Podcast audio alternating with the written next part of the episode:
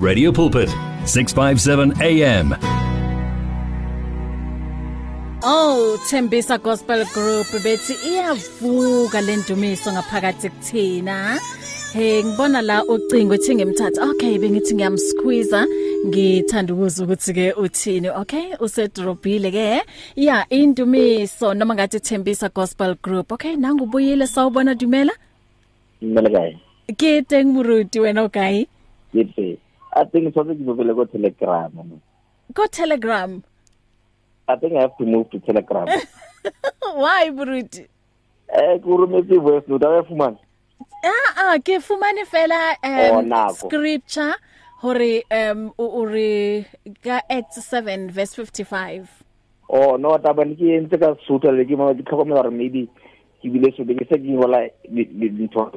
Shamare ke tse voice note. Aw a ka ithola. Ah ke la re send next week it's not an issue. Okay, Buruti, thank so, you so much. Le kena mohlomong e bile Telegram WhatsApp. okay Buruti, thank you so much. But re a leboha ka Acts 7 verse 55. Akere ke sona scripture sa o sa letsatsi. Eh. Amen. Amen Buruti. Bless you. Bye -bye. Okay um okay bengithi umfundisi lana. Mhlawumbe kukhona siphathele kona ithi ke ngindlule ngala uma ngibuya ngino Elijah Skhosana ezosithulela imotivation. For there is a time to search and a time to give up a time to reap and a time to sow. Radio Pulpit wishes to be there at all times even when you just need prayer. Send us your prayer request by calling 067 429 7564 or email it to prayer at radiopulpit.co.za. Discover an abundance of life. 657 AM. This is a public service announcement out of concern for your safety.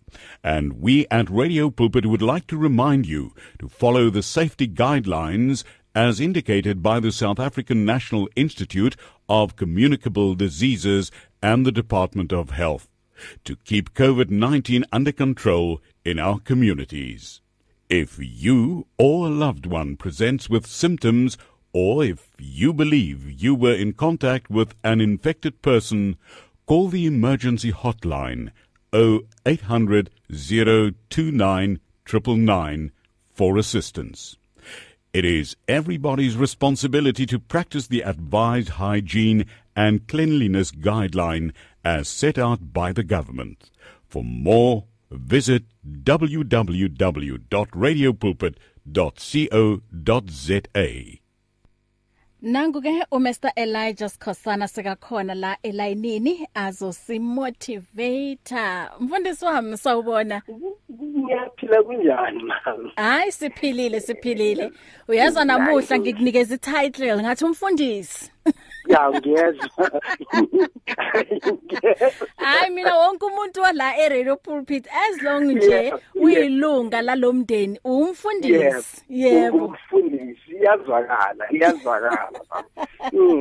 Amen amen siyakwamukela nakule ntambama.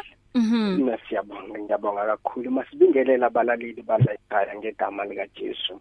Amen. Eh kuyintokozo sisibahle ukuba ekhaya ukuba ilunga lomndeni weRadio Pulpit sibonga nje umusa sibonge nothando la ekhaya ngegama lika Jesu Hallelujah ya ngangaphandle kokumosha isikhathi sisibahle ake sifunde izwi kaNkuluNkulu anda isihloko esithi uNkulunkulu usebenzisa izinto eziphelelekile ngamabomu just ukuthi ajabulise abantu abahlakaniphile.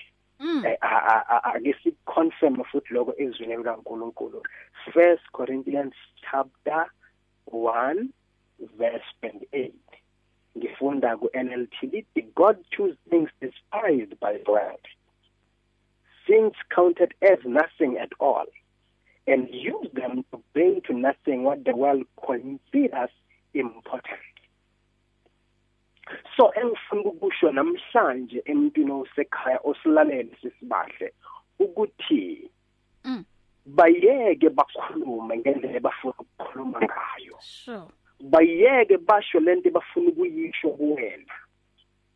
Ngoba bathi nabakubuka bona babone isimo samanje kodwa uNkulunkulu akaboni lesimo lesi basibonayo uNkulunkulu ubona ikusasa ukuthi khona uzoba yini kusasa ngoba uNkulunkulu akafuni nabantu akafuni ukusebenzisa abantu ebaphakeme abantu ebazibona ukuthi kungcono kunabanye abantu.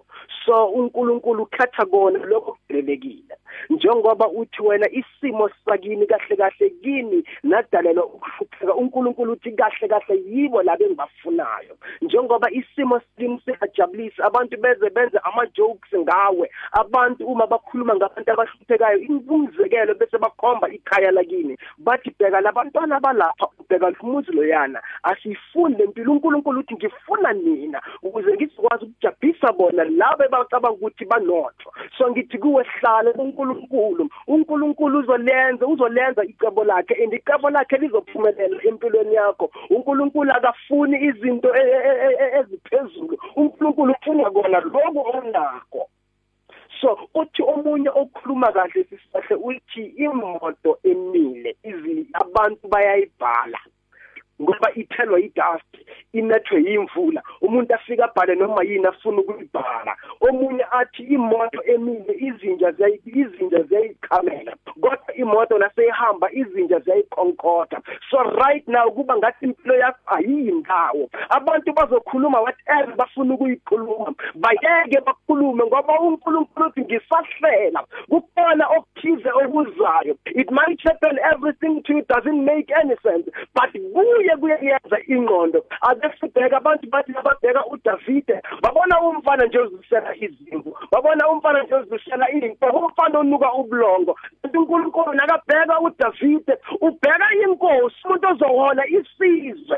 So na uNkulunkulu nakabheka ubona othize ubona umuntu ozophatha imfihlakalo zezulu ubona umuntu ozokwazi ukukhasha abantu asuse indlala eziyo asuse indlala emzini yabantu umuntu ozokhasha abantu abaningi ashintshe i-economy yakulomhlaba sohlala kuJehova mawungasuki noma izinto singenzeki hlala kuye ngoba yena uzobhisa labo bahlakaniphile bayeke bakhulume ngoba uNkulunkulu uthi there time sizofika esami isikhathi sokuthi ngibavale umlomo. Right now bayeke bakhuluma whatever bafuna ukuyikhuluma but elami icebo lakuvinjwa phezulu kwempilo yakho. Ngoba mina nginguJehova ithembiso zami zinguyebo and amen. And mina nguNkulunkulu ongaqambamanga mina ngihlonipha izwi lami ngaphezulu kwami. So uNkulunkulu nakakhulumile phezu kwempilo yakho ukhulumile yikho into ezobisela izwi kaNkulunkulu phezulu kwempilo yakho.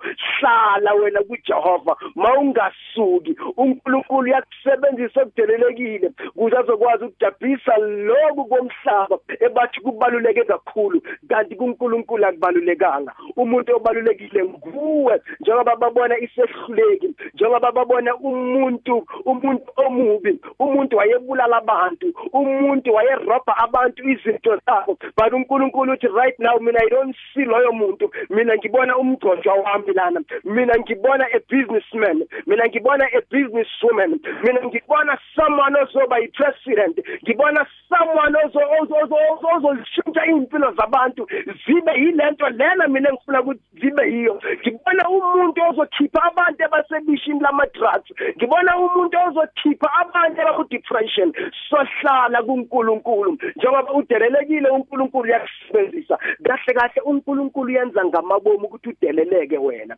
Kuze yena azokwazi ukuphakanyiswa kusasa.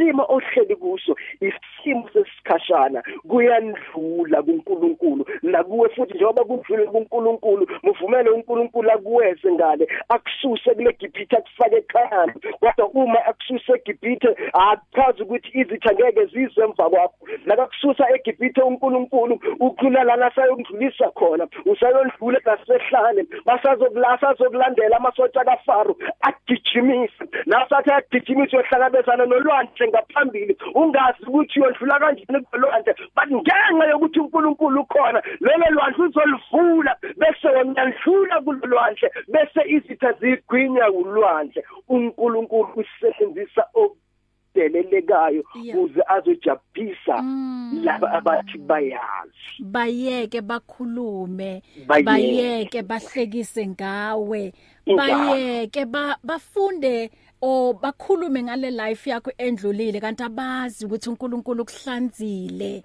uyazi ukuhlanzile uJehova ngegazi lakhe. So uyisidalwa esisha bona bakhuluma ngalomuntu wakudala. Oh. Bakhuluma awunkosi yami. Bakhuluma ngalomuntu wakudala Oh.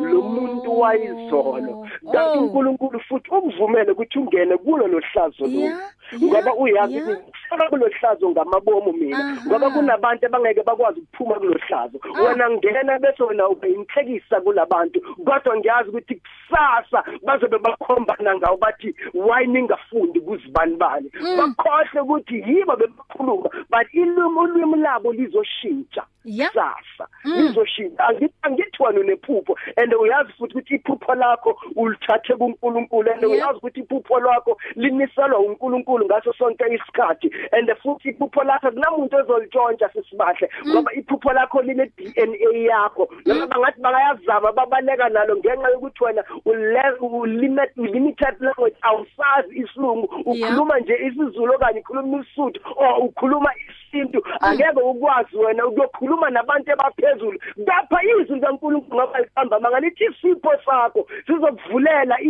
i- iminyango okanye sikenzele indawo sikusondeze phambi kwabantu abakhulu.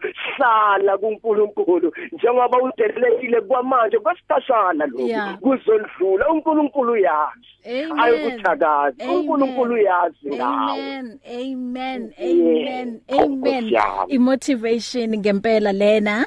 Em u- ku- u- u- um- umfundisi uBabsi Shilubana uthi yebo sizohlala kuJehova uthi we shall Yeah. Stay in the Lord uthi I'm reminded of Joseph in the pit Yes. and prison through his staying yami. power and faith Yes. in God's promises he ended up in the palace. oh yes bona laba Ekugcineni. abakuhlekayo izothi kusasa mongena ku company uthi eh ngicela ukubona imanager bese ubona yena lo muntu kuvele ngoba Yay. kunengoma e- e- engiyithanda ithi Jehova ushaya ihlabekisa ngawo Ah. Uya- uyawenza nasesifikile isikhathi se-show off uNkulunkulu uyayenza i-show off ngabantwana bakhe Ah. bese umuntu aswele umgodi wokuqasha kumele abhekane nawe ngaleso sikhathi ngoba sibahle thina sihlanjwe ngegazi asiphindisele kubi ngokubi. Uqualify the the oh the unqualified. unqualified. Ah, uJehova. uyazi siyabonga uyazi siyabonga. Ngiyazi ukuthi ke Nkosi yami. abaningi ngalamazwi em umuntu uzothi hayi uyazi ng- ngiyavuka kusasa ngiyayithintita. Uzothi hayi ngiyawaphakamisa manje amasokisi ngoba ngiyazi ukuthi uJehova uyena ohola ama steps wami and u- yo i ithi ngi ithi ngayimoshi thank you so much. Konje simthola kuphi u Elijah Skhosana? It's 063 mhm 468 mhm 7261 ngicela waphinde. 063 468 7261 Mm, ku social media? uElijah Skhosana. Elijah Elijah Skosana ka Skhosana, H angithi Facebook, yes, Elijah yes, ka L H. E L I J A H. Yes usikhosana wakho waka eh, SKO SKO Thank you. Asihlangane futhi Yep. next week. God bless you. Nawe kubusise sisibahle uNkulunkulu siyabonga Amen One vision, one voice, one message. Radio Pulpit 657 AM and 729 Cape Pulpit, impacting lives from Gauteng to the Cape. If you need prayer, please send your request to prayer at radiopulpit.co.za or WhatsApp 067 429 7564 or go to Radio Pulpit website on www.radiopulpit.co.za. In today's rush world, there is limited time for yourself. Your cell phone, however, is with you all the time. So why not use it? Visit our Radio Pulpit website with your cell phone and restore your soul. There you can find out more about Radio Pulpit, download the Bible to your cell phone, read Word for Today, and you can listen to us online. Just visit www.radiopulpit.co.za, especially developed for your cell phone. Radio Pulpit, your daily companion. You and 657 AM and life, a winning team on the road to eternity.